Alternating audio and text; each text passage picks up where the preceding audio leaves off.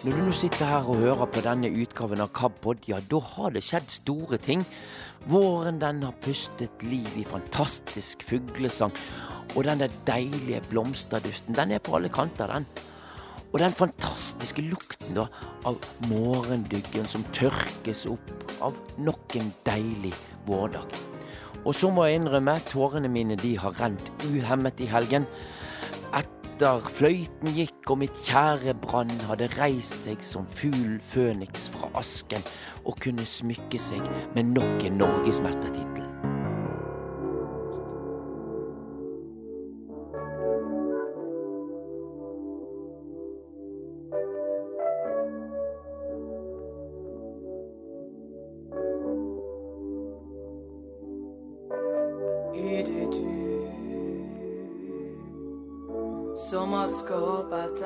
Allt det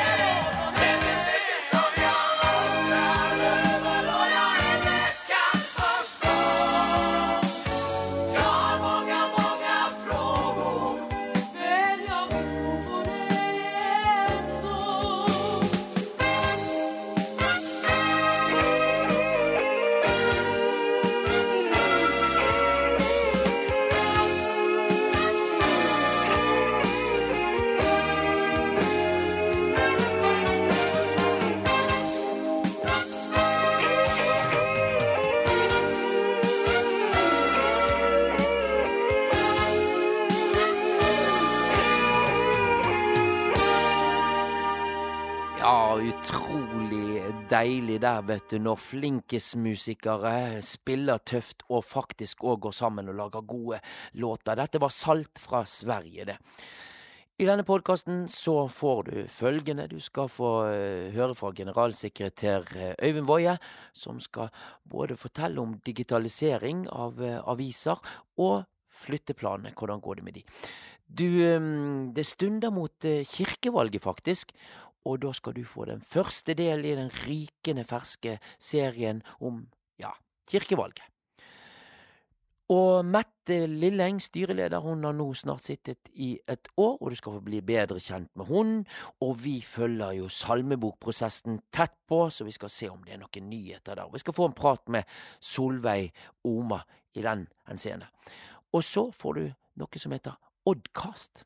Ja, du må bare følge med, skal du få vite hva det er. Det kan ha noe med Odd Østby å gjøre. Jeg sier ikke mer. Men nå, nå blir det KAB-info.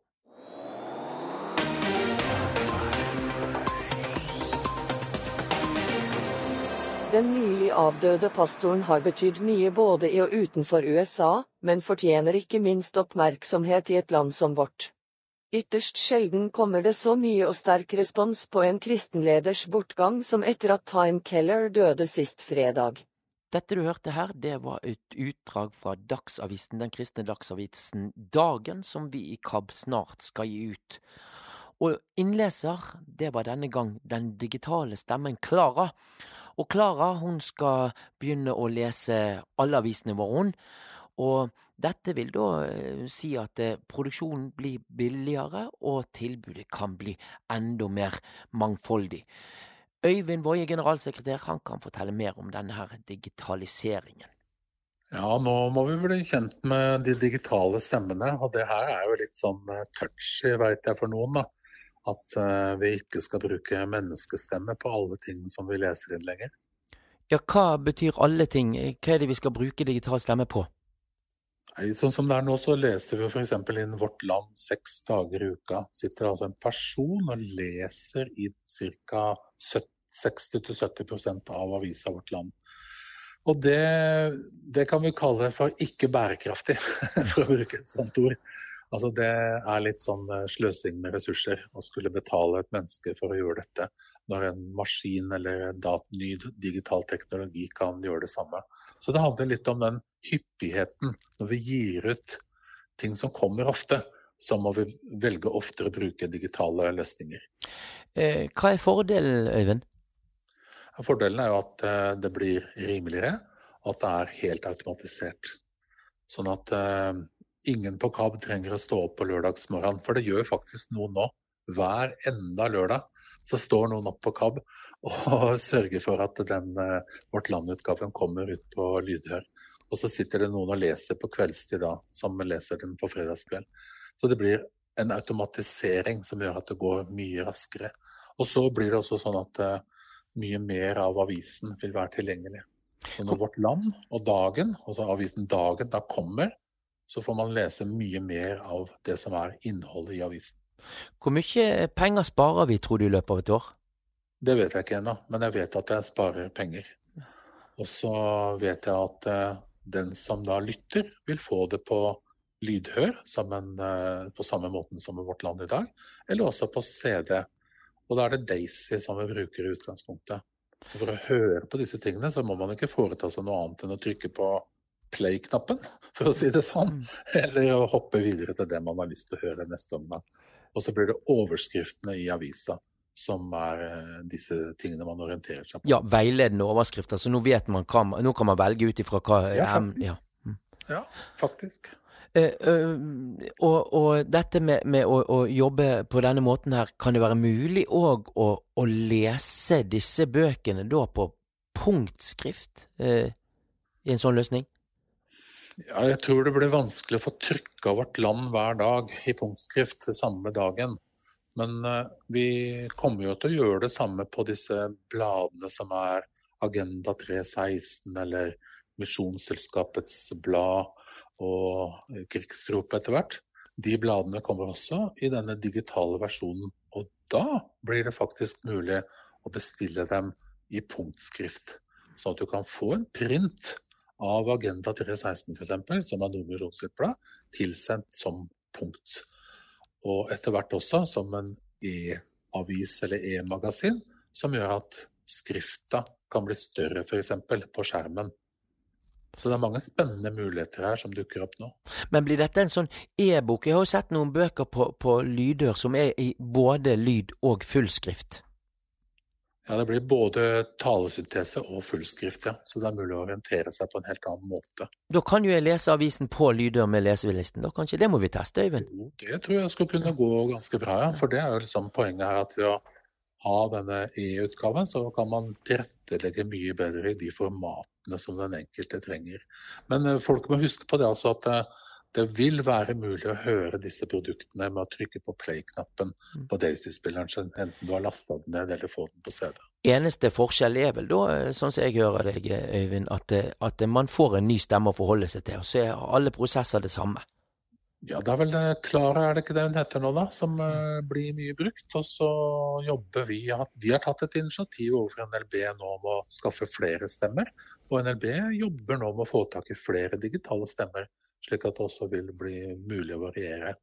Og så er det sånn at eh, lydboka, altså selve boka, den skal vi fremdeles lese inn med menneskelig stemme. Eh, Så når vi gjør ny bibel f.eks., eller viktige kristen litteratur, så leser vi selvfølgelig inn med stemme. Men hvis det er noe som er veldig spesielt, ikke sant? noe litteratur som er sånn Det skal bare Kurt lese. Kjempesnål bok. Da vil vi tilby den f.eks. gjennom en sånn digital versjon. Og da betyr det jo at du vil jo få et mye større utvalg å velge da. Ikke sant? Mm. For det er en mye lettere produksjon enn å skulle lese en boka.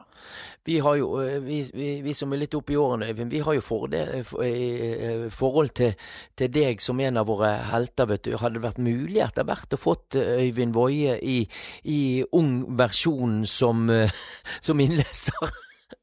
Ja, det er ikke noe umulighet i det. Altså, nå tror jeg ikke jeg er den som borger for eh, høyeste kvalitet her. Vi har faktisk drøftet dette med Frank Tangen, og Frank Tangen han er villig til å være med på en sånn test av en sånn kloning nå. For det går nemlig an også at man, som du sier, kloner en stemme, og så kan man bruke den stemmen til å lytte til de digitale produktene. Det er jo kjempespennende, ikke sant? At du kanskje kan ha meg og flere andre, da, og Frank og en hel haug, som du kan velge etter hvert, så det blir en større variasjon. Og det tror jeg at vi kan bare forvente at den teknologien blir bedre og bedre. Og da må vi hele tida tenke at det gir et større utvalg. Altså jeg kan lese mer. Jeg kan få tak i mer informasjon enn det jeg har hatt tidligere. Det er fordelen med det. Dette er spennende, Øyvind. Det syns jeg virkelig, og jeg kommer nå til å velge deg. Det høres veldig fint ut. og Det som er viktig å si, er at eh, folk må si fra. Altså Ta kontakt nå hvis en er litt usikker på det her. Og hvis du syns det er søpla dårlig, så si nå det, da. Så får vi i hvert fall en tilbakemelding på det. Men se også på det at eh, dette er en mulighet til at jeg kan lese mer. At jeg kan få tilgang på mer, og at KAB kan også lage mer, i og med at vi senker kostnadene på hvert produkt.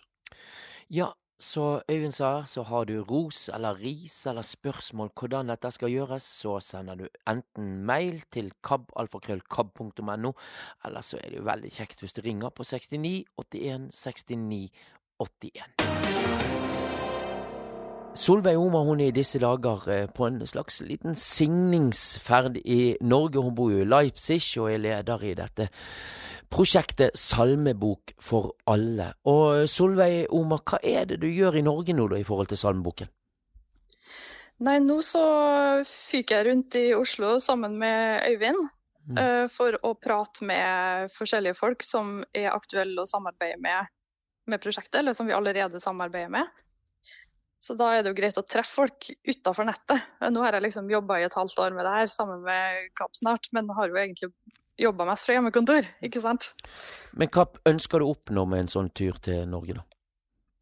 Nei, for det første så er det jo noe med å bare treffe folk, som jeg sa, utafor nettet. Det, når du sitter med folk i et fysisk møte, så er det noe annet.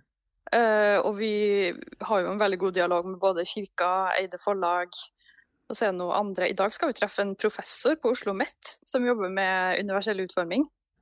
Så det, det er veldig mye spennende folk å snakke med, og man, man får mye bedre kontakt. Pluss at det er inspirerende, da. Det kjenner sikkert mange til at når man bare sitter og jobber på Zoom, så er det liksom Det er noe med at sånne skal jeg skulle si, ekte fysiske møter gir deg en annen drive til å jobbe videre. Men er det noen Altså, det koster jo mye penger, dette. Jeg har jo snakket med de ulike politiske listene som skal stille til kirkevalg, og, og de er liksom De er litt sånn vag. Ja da, de kan jo gi Det hadde vært kjekt å gitt litt penger, så man kan synge noen salmer i kirken, liksom, og sånn, sant? Når man spør om om de vil være med og virkelig fullfinansiere dette her. Eh, har du kommet litt lengre i forhold til det å få støtte til dette nå? Uh, jeg vil ikke si at uh, vi kan liksom si at nå kommer pengene. Altså, vi er kanskje ikke helt der, men det er nok veldig mye nærmere enn det var. For det er, nå er det jo et vedtak på gang her om universell utforming, som ser ut som det blir vedtatt på kirkemøtet. Og det er noe med at når man sier at vi skal gjøre det her, så er det litt vanskeligere, stadig vanskeligere å si vi skal gjøre det her, men vi skal ikke bruke kroner på det. Det går ikke an. Så Det kan være litt tror og så det. kan- Ja, altså det har jo vært mye fine ord, og så har det kanskje vært litt kon lite konkrete ting som skal gjøres. Men eh, nå er det jo det at KAB har jo en del kompetanse og godt nettverk som vi da Vi tilbyr jo oss veldig tydelig at vi hjelper til med det her. Og det er jo et samarbeid med finansiering. Man kan jo finne penger flere steder.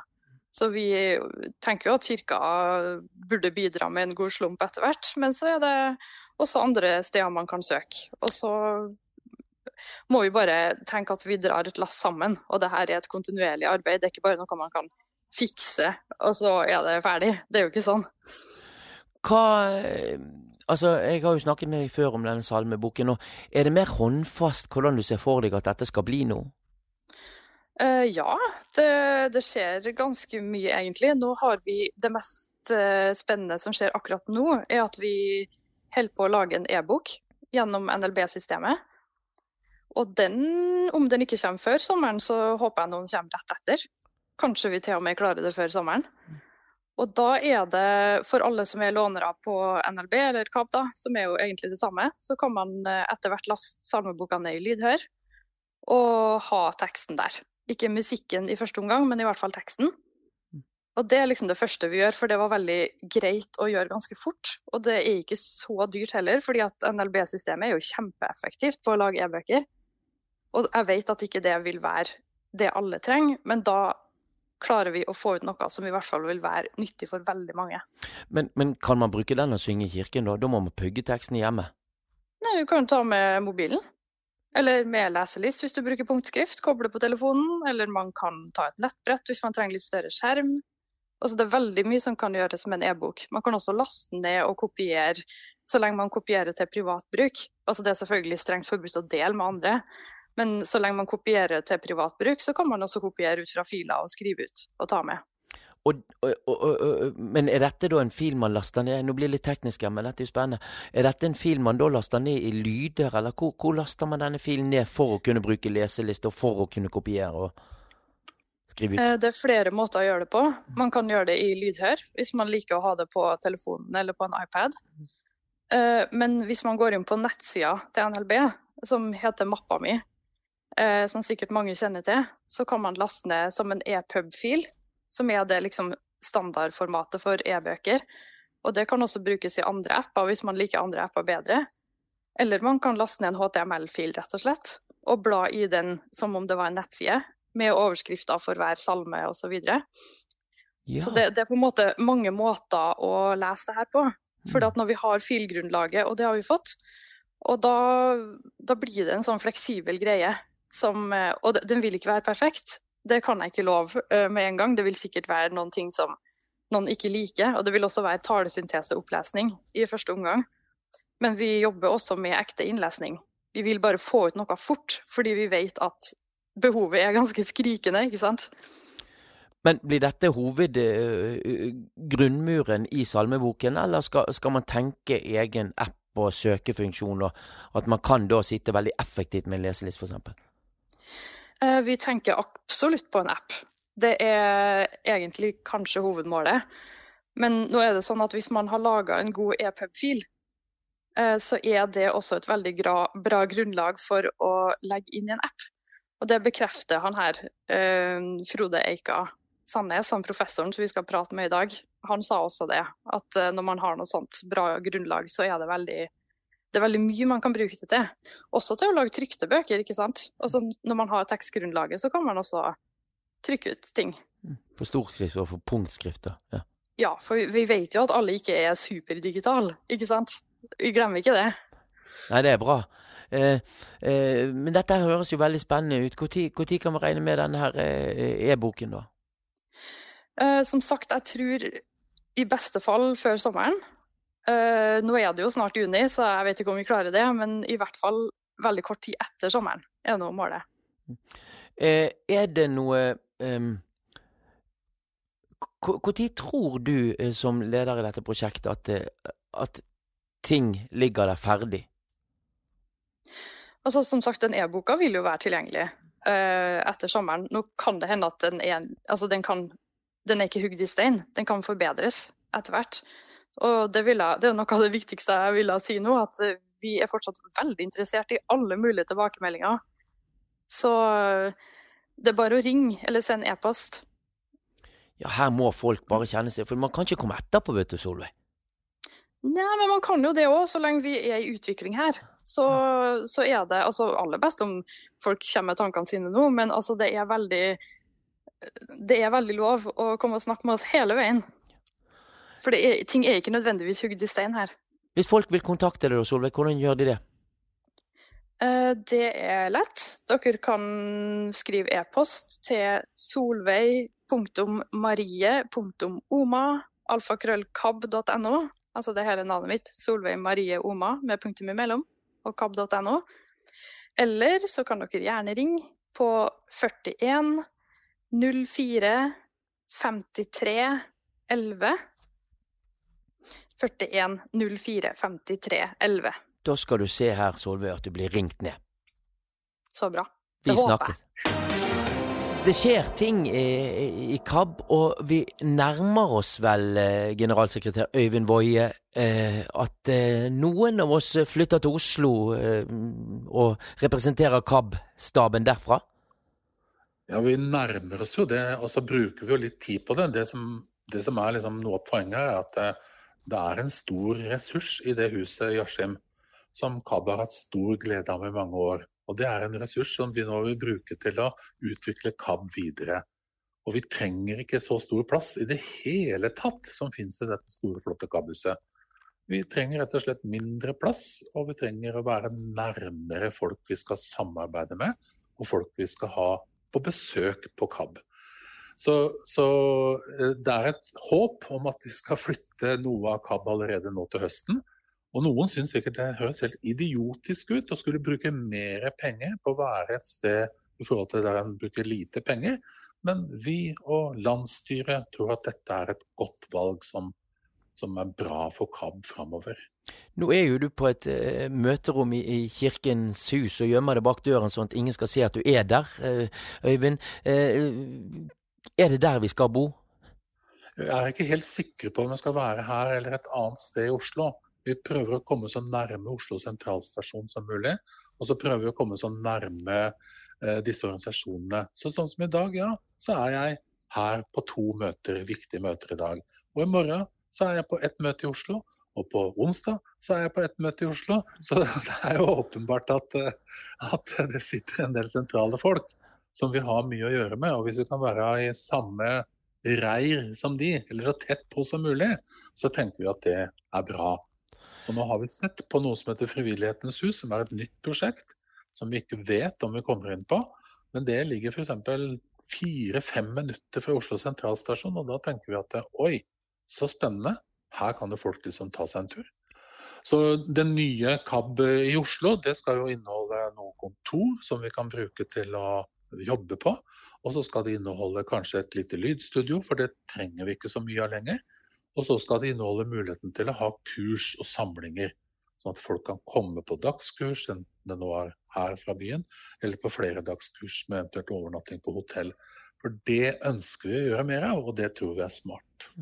Du sa at noen fra staben eh, håper dere får over til Oslo i, i løpet av starten på høsten.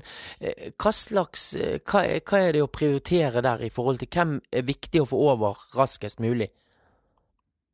Styret har ønska at vi skal prøve å få til en flytting, så da er det naturlig at eh, det f.eks. handler om de litt mer utadretta tinga jeg kan. Det kan både være bibliotek, det kan være diakoni og det kan være ledelse, sånn at vi deler det litt opp. Men får vi muligheten til å flytte flere, så gjør vi det. Og nå er det sånn at eh, neste uke så kommer det en fotograf for å ta bilde av KAB-huset. Og så har vi en avtale med en megler, og skal prøve å legge det ut for salg allerede nå før sommeren.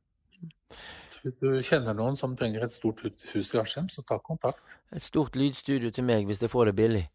Ja, og Vi selger jo ikke dette, du får det ikke billig, for vi selger det ikke for hva som helst. Vi skal ha en god pris på det. Og så tenker vi at da skal vi bruke de midlene da, til, å, til å utvikle og gjøre KAB enda bedre. For det mener jeg som leder at vi må. Vi har en stor jobb foran oss for at KAB skal kunne overleve og utvikle seg videre i framtida. Men når tror du at eh, hele KAB er flyttet? Det er jo sånn som jeg må prøve å svare på som en politiker, da. Jeg håper at vi har gjort det som, så, så, så, fort som mulig. Og mitt håp er at vi er på plass i Oslo seinest innen eh, sommeren 2024, som er da avtalen kanskje med Kirkens hus. Men kan vi få det til før det, så vil jeg helst det. Men er det Frivillighetens hus vi har mest lyst til å, å, å være nå? Nei, Vi har nok veldig lyst til å være Kirkens hus også, for da er vi opp sammen med alle de kirkeorganisasjonene som vi jobber med. Vi har, vi, vi har, lyst til å være sentralt i Oslo, så vi har muligheten til å treffe folk. Så ja. her er det mye som spiller inn, ikke sant? hvem som skal være med i de lotteriene og hvordan det blir da. Nei, det er jo å gå på leiemarkedet ellers. Hvis vi skal bare flytte deler av staben, så kan vi jo leie oss midlertidig inn et sted. Men vi må komme oss videre ut fra det å være en sånn produksjonsbedrift til å være en sånn tjenesteytende kompetansebedrift. Så, så, dette her er et viktig strategisk valg rett og slett for KAB. Og jeg tenker De som har vært med å gi til det KAB-huset f.eks., de skal tenke at eh, de har gitt til framtida. Vi lager det nye KAB nå framover. Vi må få det nye KAB til å vokse og utvikle seg. Ellers så sliter vi på sikt, rett og slett. Jeg gleder meg, Øyvind, og håper at det er en sånn god kaffebar i nærheten, i hvert fall. Det er en av mine premisser. Hjertelig velkommen. Ja, og har du noen spørsmål eller ja, tanker om denne flyttingen, om strategien, så eh, ring da. 6981 6981, eller mail kab, alfakrøllkab.no. Du, Mette Mette Lilleng, nå sitter vi på kafé. Litt så støyer i bakgrunnen og sånt, da. Men det er ikke mat vi skal snakke om i dag. Vi skal eh, fokusere litt på ditt eh, liv, Mette. Du er jo styreleder i, i KAB nå. Ja, det er jeg. Og først så vil jeg bare stille deg et helt dumt, teit spørsmål. Mm. Ja, vi sitter på kafé. Men egentlig så skulle du ha meg med på Deichmanske bibliotek. Hva mener du med det? Vi skulle lese bøker, og du skulle lese høytlesning for meg i en sofakrok der og greier. Har ikke vært koselig? Nei. Hvorfor ikke? Vet ikke du at jeg er dyslektiker? jo, men, men, du liker jo bøker, sier du. Ja. På samme måte som det du liker bøker. Leser ikke du bøker av Kurt Ova? Jo, jeg gjør det. Hvordan leser du, da? På samme måte som meg? På samme måte som deg. Mm. Men du leser jo på svartskrift òg. Du leser ikke bare på lyd. Ja, ja, ja. Selvfølgelig. Jeg leser jo svart skrift òg. Men altså, hvis jeg skal kose meg med en bok, så har jeg den jo på lyd. Jeg koser ikke du med en svartskriftbok? Nei, Da må jeg jo konsentrere meg hele tiden for å få med meg alt som står der. Blir du sliten da? Ja.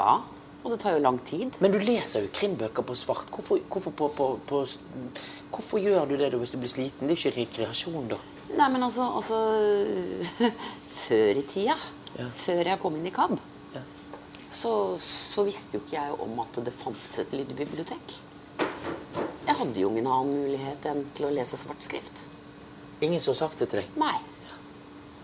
Så det var bare fordi at det, noen Altså, det begynte jo å poppe opp sånne apper Altså hvor du kunne på en måte betale og kjøpe lydbøker og Det, det kommer jo etter hvert. Må du huske på det, Kurt Ove, at jeg er en gammel dame. Men var du I min beste alder. Ja.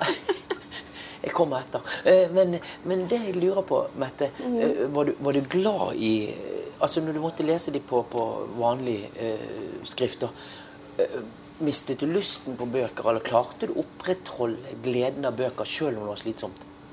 Jeg leste jo ikke så mange bøker, da.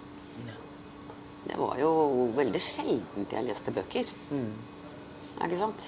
Ja. Jeg slukte jo ikke akkurat bøker. Men jeg leser jo mye seinere, og så kan det hende det er ord jeg ikke får med meg, og, og som jeg leser Altså Det som står der, er ikke det det betyr. Det Altså det jeg ser, det jeg ser, og det jeg leser, har kanskje ikke noe, noe sammenheng med teksten. Fordi at jeg leser de ordene feil. Jeg, ordbildet mitt blir feil. Ikke sant? Altså det kan stå noe som ikke du klarer å forstå, så dette var et talent, og så tar morderen skulle gjøre det, liksom. Er det så galt, liksom? At Ja, for handlingen eksempel. Ja. For eksempel. Altså, altså, det blir jo på en måte litt sånn at handlingen kan bli feil. Og det, det er jo ikke bare i bøker, det, men det er jo i Altså Les en f.eks. en innvikla bruksanvisning, da. Hvis du på en måte ikke kan klare å lese en bruksanvisning ord, ordrett, ord for ord, så kan det hende at du bommer ganske mye på hvordan du skal montere disse tingene, f.eks. Plutselig så står beina i været og Ja, jeg er satt på spissen. Ja. Men det Du, du sier sjøl at du ikke har sterk dysleksi. ja. Men er det Har du en, et handikap, på en måte, hvis du kan si det sånn? Før jeg begynte i KAB, så så jeg ikke at jeg hadde en funksjonsnedsettelse, nei. Men etter hvert Fordi da, da bare var det sånn. Men etter hvert som jeg har begynt å, å, å se og, og være med i KAB-sammenhenger, så faktisk så ser jeg veldig mange likheter mellom deg og meg, Kurt. Hva da?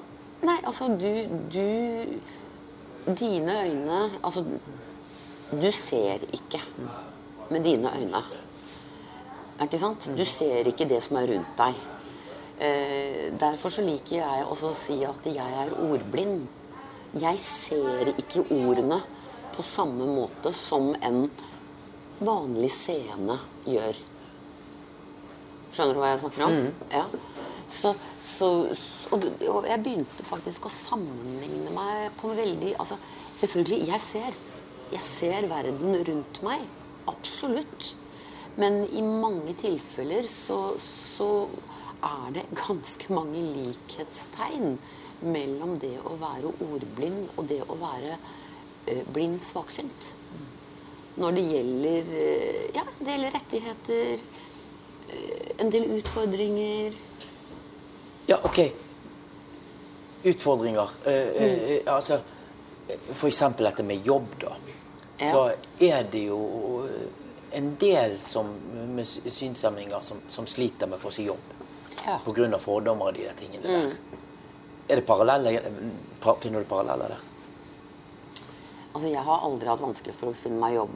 Men, men det er jo klart at det har vært yrker som jeg tenkte i ungdommen at jeg hadde lyst til, kanskje noe jeg hadde lyst til å bli, men nei, det var litt for vanskelig, for da måtte jeg gå på universitet og studere. Ikke sant? Så, så dette handler jo om øh, Jeg øh, fikk jo ikke Altså, det er feil å si diagnose.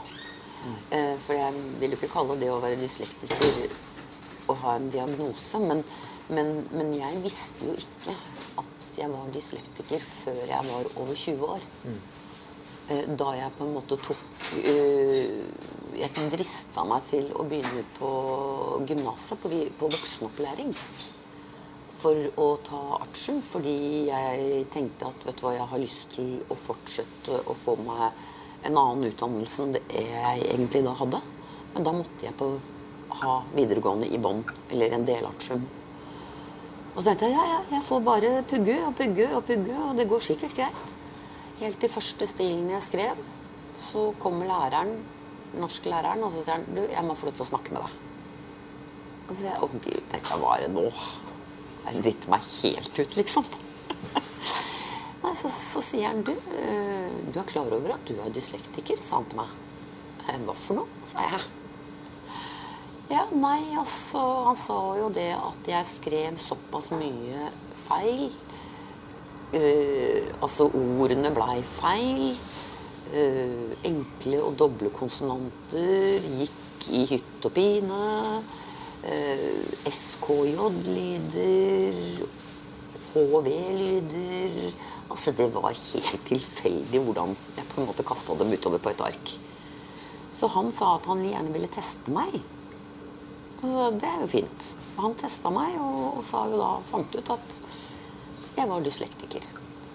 Hva gjorde det med deg å høre det, at du var dyslektiker? Nei, Hva gjorde det? Jeg fikk vel stadfesta en del ting sånn som jeg hadde tenkt på. Altså, øh, altså Livet mitt var jo bare sånn som det det var. Da jeg var barn og oppover, ikke sant? Jeg tenkte jo ikke noe mer på det. Men, men da begynte jeg jo å tenke litt mer på Ok, jeg var altså ikke så dum. Jeg trodde du at du var dum du, før du Ja, i mange sammensetninger så, så følte jeg meg vel litt sånn dum. Hva slags sammenhenger? Nei, altså det var jo sammenhenger hvor på en måte litteraturen spilte en rolle. Eh, Hvor det der der med å, å sitte og diskutere f.eks. bøker med venner. Eh, Quiz-kvelder. Eh, hvor, hvor man på en måte kommer opp Ja, quiz, litteratur. Det er sånn pass. Da gjør Mette noe annet. Da går Mette og vasker opp. Da går Mette og Vasker opp. Ikke sant? Det er ikke mitt sted. Jeg, jeg hadde jo ingen referanser. Fordi jeg hadde jo ikke lest de samme bøkene. Jeg hadde jo ikke Mange småting. Jeg hadde en mor som var veldig flink til å rette stilene mine. Altså, Du kan jo si det var en bjørnetjeneste, egentlig, men altså, du må huske på det at jeg har passert 60. Det er en del år siden jeg gikk på barneskolen. Ikke sant? Da hadde man ikke kommet dit man har kommet per i dag. Det var ikke eh, I dag på skolen så snakker man jo opp det at barna har forskjellige bokstaver, at de har dysleksi, at de hører dårlig, de ser dårlig. Eh, Mye mer enn det man gjorde den gangen jeg var ung. Jeg ble bare tvinget til å lese på skolen. Og det var jo et mareritt. Jeg prøvde jo å snike meg unna hver eneste gang. Men i ettertid så har jeg liksom tenkt på vet du hva, det her var egentlig kanskje litt sånn mobbing. Hadde det vært i dagens samfunn, så hadde det vært lærere som faktisk rett og slett mobba meg. For de tvang meg til å lese høyt i klassen. Ja, for Jeg hadde jo lyst til at du skulle lese for meg, hvis jeg skulle høre hvordan det var når du var i forhold til dine lesevansker. Men, men det er det noe som sitter igjen for den gangen, da, at du ikke ville det. Ja, da sa jeg blankt nei. Og vet du hva, jeg kan stille det samme spørsmålet tilbake til deg, for at du kanskje skal kjenne på eh, eh, Hva jeg sitter inne og tenker med, er at Kurt Ove, kan du legge fra deg Kusko, førerhunden din, og så kan du gå ut her. Det er i Grefsenveien i Oslo. Trikken går her. Og så kan du prøve å gå over gangfeltet. Fordi jeg har så lyst til å se om du klarer det. Og det er det samme som jeg sier til deg. Ja, men jeg vil se åssen du ser ut, jeg, Kurt. Når du skal bevege deg ute i Oslos gater. Hva hadde du sagt til meg da? Nei, da, eh, Det hadde jeg ikke gjort. Nei, nettopp. Og derfor så var jeg sånn til deg og sa at nei, men det gjør jeg ikke. Hadde du Gi meg en tekst, så skal jeg framføre teksten helt nydelig for deg. Og derfor så er vi ganske like. Det å ha lesevansker skrivevansker Og så i forhold til f.eks. der teksten er veldig sånn eh, Ja, i kristne miljøer, der, der er jo teksten der oppe Det er jo liksom tekstleser og sånt. Sant? Formidle tekst fra Guds ord, liksom. Hvordan- Det var da Ja. sulmende. Ja, men, det, men, ja, men det for å forklare hvor viktig lesing i en sånn sammenheng, da. Ja. Og hva, hva kjenner du i sånne sammenhenger, da? Nei, altså Jeg er tekstleser, jeg. Det er ikke noe problem det, Kurt Ove, å være tekstleser i Den norske kirke. Så lenge du har en stab i den menigheten du går i, som har en forståelse av at uh, Mette må faktisk ha teksten på forhånd. Det er avtale med presten om at hans sender jo meg altså tidlig i Hvis jeg nå til søndag skal være tekstleser, så får jeg teksten på onsdag. Og så leser jeg jo teksten hjemme. Pugger den. Og så framfører jeg den teksten, og jeg får kjempemange tilbakemeldinger, positive. Hvor folk kommer og sier 'Åh, det er så godt når du leser teksten'. Fordi du leser den så godt, så bra. Eh, vi får med oss innholdet. Fordi at du løsrevet fra å lese der og da, du kan den mer Jeg kan jo teksten. Jeg vet, og jeg har lært meg til altså, eh, Hvordan skal du lese på en måte altså, Du skal jo ikke tolke tekstene, du skal jo lese de. Men jeg vet jo noen steder så bør du kanskje eh, heve stemmen, senke stemmen, puste Altså dette har man jo altså, lært, har jeg jo lært meg til hvordan en tekst skal uh, formidles. Og jeg får mange tilbakemeldinger på at eh, de, de syns det er så behagelig og flott, og de får med seg tekstene når jeg står ved lesepulten og leser.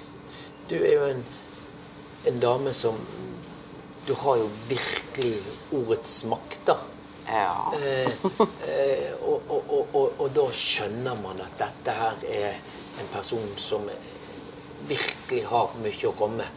Men, men hva kjenner du i forhold til de gangene du blir tvunget til å skrive som deg for å oppnå noe?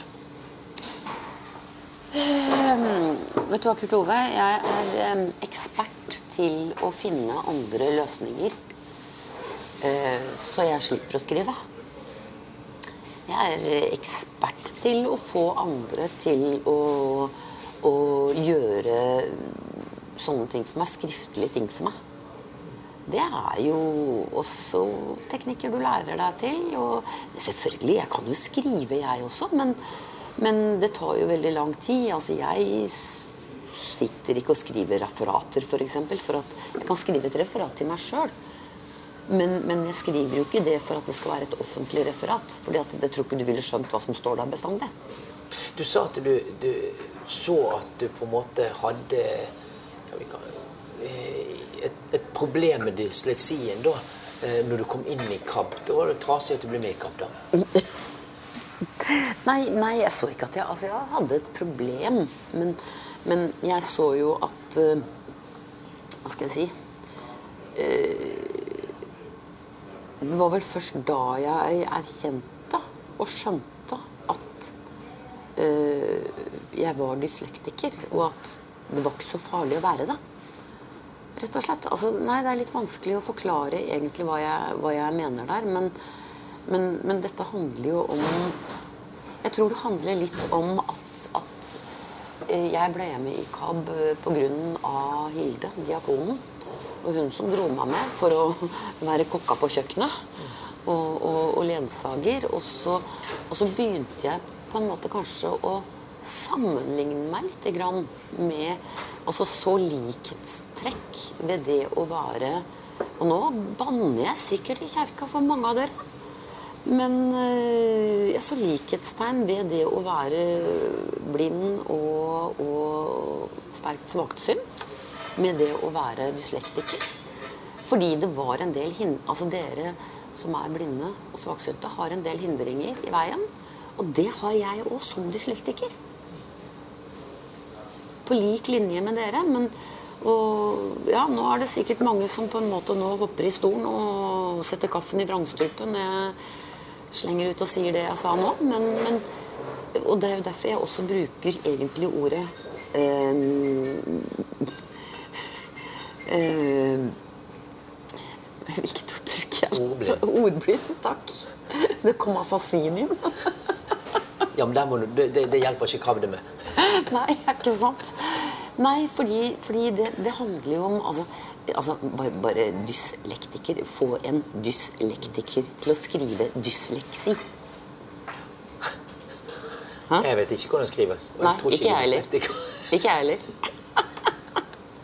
Men, men, ja, men det der er litt sånn artig òg, fordi at vi, vi Nå skal jo KAB være for både dyslektikere og, og synshemmede.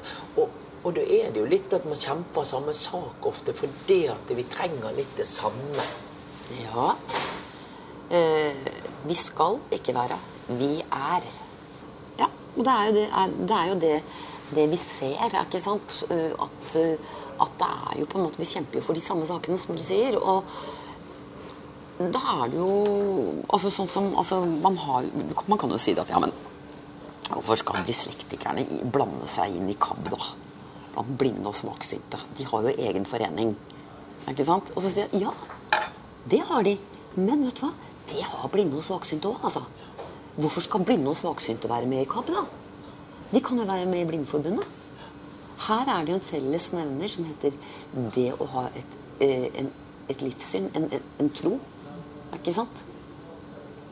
Og det er jo det som er forskjellen her eh, på, på, på både Blindeforbundet og på Dysleksiforbundet. De er livssynsnøytrale. Men skab er jo ikke det. Vi har jo et, et, et mål. Vi har jo én Gud. Vi, vi har jo en tro, ikke sant? Som ligger i bånn. Eh, vi står på barrikadene og løper på Stortinget. Vi krever vår rett. Eh, men vi ønsker også å, å være et kristent tilbud til blinde og svake synte og de med leseutfordringer. Rett og slett. Og det, det, det er veldig viktig. Og, det, og, og vi, er, vi er like, vet du. Altså, fordi om du ikke ser sånn at det er grønne vegger her inne, eller at det er en mursteinsvegg, det ser jeg. Mens øh, andre ting ser ikke jeg som jeg må lese, liksom. Jeg er ganske like. Men når vi eh, Dette med f.eks. så KAB har eh, jobbet i forhold til dette med å bli en del av menigheten. Og, Ja. Jeg har jo snakket om dette med å få synge, som man aldri får lov og sånn. Eh, er, det, er det litt i paralleller der og på hva eh, en Hvis det blir tilrettelagt et- la- lagt for synshemmede og dyslektikere, så er det ganske likt. på en måte. Ja. Ja, ja, det er klart det. Men så skal det også sies at øh, jeg har vært øh, I menigheten min i Drøbak og Frogn så har jeg vært åpen Og det, det handler faktisk noe om det der da jeg begynte i KAB. Så lærte jeg meg det å være åpen og ikke være flau. Uh, og da begynte jeg å stille litt krav til menigheten. Uh, og sa at jo, jeg leser gjerne teksten. Jeg vil gjerne være forsanger. Jeg vil gjerne være med på ting. Men kan jeg få teksten på forhånd? Men, men altså, jeg har på en måte skjønt at det går an å, å, å, å si det høyt. Ja, jeg er kanskje stolt. Men jeg vil ikke bruke ordet stolt. Men, eh, men det handler vel det om å kanskje å tørre å, å si og mene og være den du er. Er ikke sant? Altså, ja, nå kan jeg si det at jo, nei, men altså, sorry, jeg er dyslektiker. Jeg skriver ikke det referatet. Hvis du skal vite hva som skjedde på det møtet, så får du få en annen til å skrive referat. Er ikke sant? Kan jeg si i dag. Før så, så sneik jeg meg vel kanskje unna på andre måter. Nei, du, beklager, men jeg har litt vondt i håndleddet, eller jeg mm, Jeg rekker ikke det, eller noe sånt. Ikke sant? Nå kan jeg være mye mer direkte. Det var Mette Lilleng, styreleder i KABD, som fikk æren til å være med på kafé med undertegnere, eller kanskje det var motsatt. Jeg tror det. Du, eh, vi har jo en serie liggende ute, som hvis du ikke har hørt den, så er det en del spennende ting der. Blindebok heter den, og det er lenge siden vi har lagd noen eh, nye episoder der, men eh, nå har eh, Blindebok tenkt å ta for seg kirkevalget. Du får første episoden i en rykende fersk serie som tar for seg da kirkevalget. Halloen, du. Du hører på Blindebukk. Og nå framover så skal vi fokusere på kirkevalget på ulikt vis. Dere vil at de som gikk utenom det kommunale systemet, ikke skulle få noe som helst? Ja, da Man ville det ikke altså- blitt noen, Willoch. Jo, det Det ville ikke blitt noen, for alle ressursene ville gått til den kommunale helsetjenesten, og dette vet du godt. Ja, men når det dere nytter ikke å komme med den sitatteknikken din. Jeg syns du burde holde deg for god til å forsøke å bløffe på denne måten. Fordi at folk Er det kan jo bløff ikke å Du vet godt hva som er forskjellen på vårt Ja, syn her. Ja, i, gang, en Ja. gangen her. Dette her var tider, du. Debatter med Gro og Kåre. Du, hvis du har eh, tanker om at kirkevalget blir like stilige og artige debatter, ja, da tar du feil, for dette kan bli ganske kjedelig. Nei, altså det, det er jo en del som handler om, eh, om kirkelig organisering. Som er altså så langt vekke fra heit som du kommer. Det må det være lov å si. Det er utrolig, utrolig kjedelig. Hvis du ikke har slått av denne podkasten ennå, så er det virkelig prisverdig. Eh, Den du hørte der, det var vårt landsjournalist Sigrid Rege Gårdsvold, som skal geleide oss gjennom både menighetsråd, eh, bispedømmeråd, kirkemøte, kirkeråd. Ja da. En ting kan jeg love deg når du har fulgt denne serien her. Kanskje ikke du har ledd deg i hjel, men du har blitt klokere. Da gir jeg ordet til vårt landjournalist Sigrid Rege Gårdsvold, og så skal hun gi deg en innføring i dette kirkedemokratiet. Det er jo sånn at Når vi snakker om Den norske kirke, så er det egentlig det er ei kirke, men det er to strukturer eh, ved sida av hverandre. Det ene er det som vi kaller for fellesrådslinja. Eh, det er et menighetsråd i hver menighet. Det velges ved kirkevalget hvert fjerde år. Og over der så har du fellesråd. Eh, Det er på kommunenivå.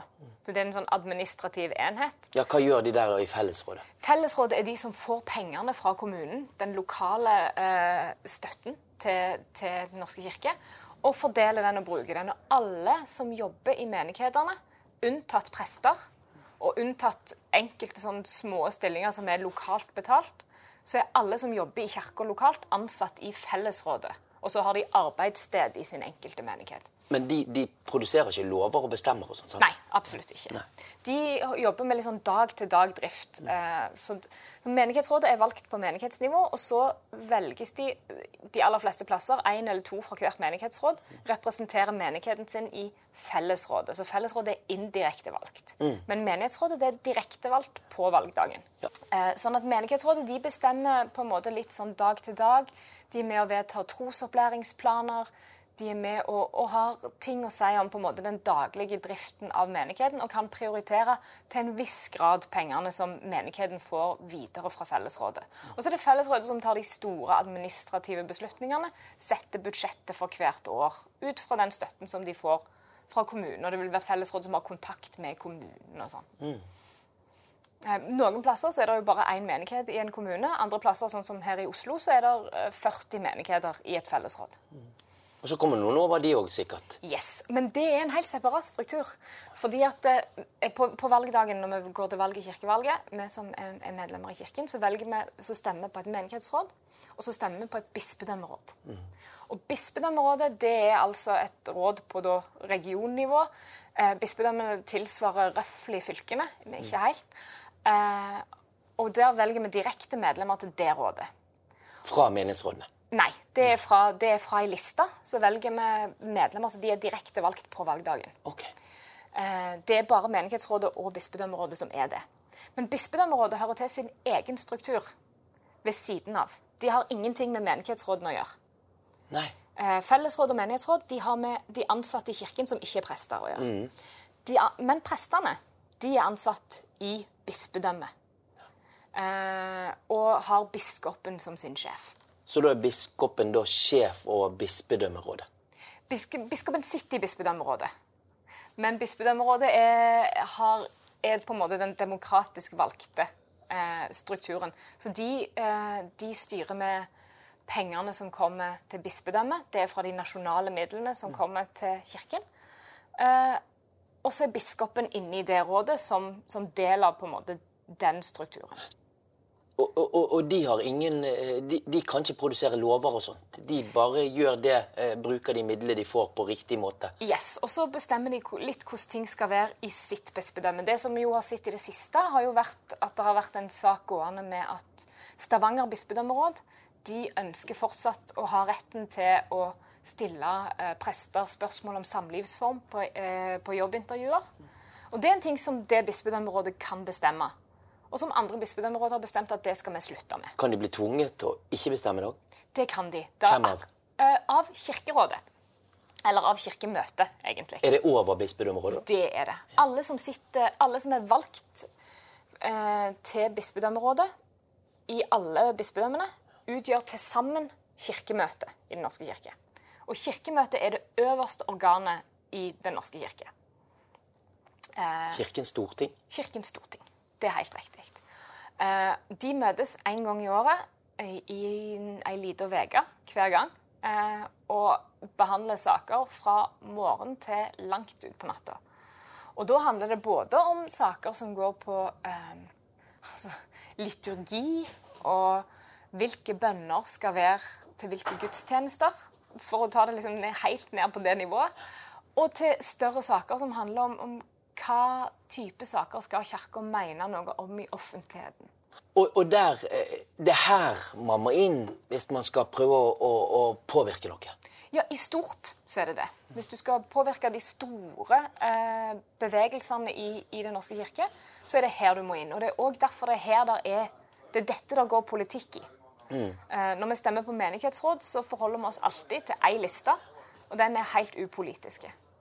Eh, stort sett. Det er ikke noe kirkepolitikk i, i menighetsrådet. Det er i bispedømmerådene der er politikk, og det er i kirkemøtet der er politikk. Sånn at det er der, med, det er der der er list, forskjellige lister, og det er her der er valgkamp. kan du si. På, på menighetsnivå så er, er det nok mye mer vanlig at en nesten ikke får nok folk til å fylle lista. Og det er mer Jeg pleier ofte å sammenligne det å sitte i et menighetsråd med å sitte på, eh, i FAU på skolen. Det er en sånn ting som, som du må fordi at du er en del av dette fellesskapet. Eh, og mange plasser er ikke det nødvendigvis sånn voldsomt attraktivt å gjøre. Og det er jo I kirkevalget så har det vært sånn Tidligere så var det sånn at i valg til bispedømmeråd så var det ei liste som heter nominasjonskomiteens liste. Bi- Bispedømmerådet satte ned en nominasjonskomité som spurte folk om å stå på lista, akkurat som med menighetsråd. Eh, og da, da var det ikke liksom noe politikk i bildet. Da var det bare vil du sitte i bispedømmerådet og jobbe for din del av bispedømmet. ikke sant? Og så har det utvikla seg et system der en har politiske, kirkepolitiske lister. Altså parti, politiske partier her. Yes. Ja. Kirkepartier.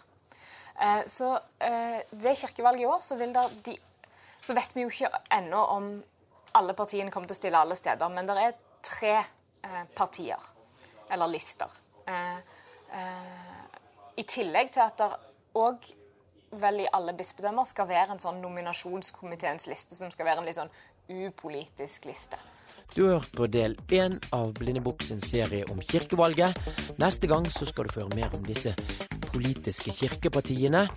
Og da er det vel på sin plass å spørre om hva de tenker om at det ikke fins salmebok for synshemmede. Jeg blir vel ikke uten videre ekskludert da nødvendigvis. Altså Hvis en går på gudstjenesten da og, og, og hører en sang og hører andre synge, så, så kan en jo få med seg teksten. Det, det er jo sånn barn lærer et språk. De, de bare hører ordene, og så tar de etter. Sånn kan det òg sies, du.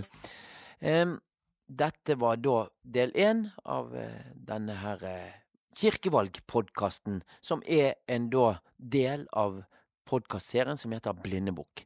Og vi har mange podkaster, vi, og du kan gå inn på kav.no, så kan du gå inn og se hva slags utvalg vi har av podkaster. Um, og en annen ting, du kan jo faktisk ringe til biblioteket og spørre, hvis du vet det er en podkastserie du har lyst til å høre, så kan du spørre om du kan få den på CD, og så låner du den som en helt vanlig bok. Eller du kan låne den i lydhør, bare med å søke på for eksempel Blindebukk, da, og så ligger alle deler der til forlystelse. Når vi snakker om podkaster, så hadde jo KAB et podkastkurs, ja, det må nå være over året siden det. Eh, og der var en av deltakerne, Odd Østby, og jeg lovet jo deg før her i podkasten at du skulle få vite hva Oddkast var, og da ligger det nærtliggende vel for deg å tenke at det, det er en podkast som lages av Odd. Odd Østby han var som sagt med på dette kurset, og han eh, har eh, produsert mye i etterkant. Det er disse Oddkastene da, som er et lite sånn drypp av tanker om tro, og så har du òg eh, en serie som han lager seg etter ting vi tar for gitt. Så nå får du en av disse Odd-kastene som Odd Østby har laget til oss. Så med disse tankene om tro, så vil jeg bare si takk for følget, jeg, og følg med på KAB sine nettsider og Facebook, og ring hvis det er noe. Så skal du se at det blir mye spennende ting framover. Ha en fortsatt fin vår.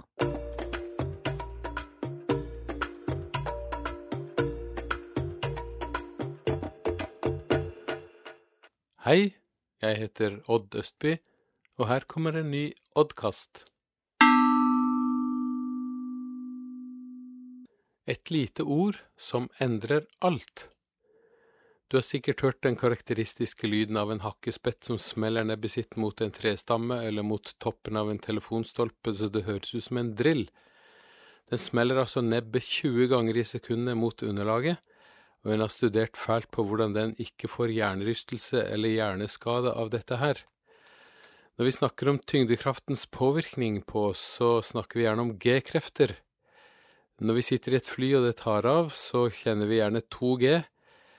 Mennesket kan tåle opptil 6G uten å besvime, men hakkespetten, mine damer og herrer, den tåler 1200G der den smeller nebbet sitt mot underlaget, og etter lang tids forskning så har en altså funnet ut hvordan det henger sammen at den ikke skades. Eh, skjelettet i hodet er nokså svampete, nebbet er både sterkt og elastisk. Inni hodet er det veltebøyle, og hjernen er hengt opp i en liten tynn tråd, og alt dette bidrar til at den klarer seg fint. Men i tillegg til at dette er interessant, så har denne forskningen bidratt til at man har klart å utvikle både lettere og sikrere sykkelhjelmer, og en har klart å utvikle svarte bokser slike som brukes i fly for å registrere tale og bevegelse. De, før kunne de tåle 1000 G, nå tåler de altså opptil 60 000 G på grunn av forskningen på hakkespett. Men hvorfor denne talestrømmen om hakkespetten, da? Jo, det er et eksempel på hvilket fantastisk skaperverk vi har rundt oss, og at det må stå en stor skaper bak. Over hele kloden til alle tider så har en studert på hvordan det kan henge sammen med hele skaperverket. Det må jo stå en guddom bak, tenker man, en eller annen skapet kraft. Kanskje bare minus her i Vesten, hvor vi skal prøve å finne alle andre slags forklaringer på hvordan dette har oppstått. Men selv om skaperverket er stort og flott, så sier de jo ingenting om selve skaperen bortsett fra at han må være mektig og utrolig genial. Men altså, ingen har noen gang sett Gud. Ja, det står faktisk i Bibelen, i første kapittel i Johannes evangeliet. Ingen har noen gang sett Gud, og det er et utsagn som enhver ateist og agnostiker kan bifalle. Men det stopper heldigvis ikke der.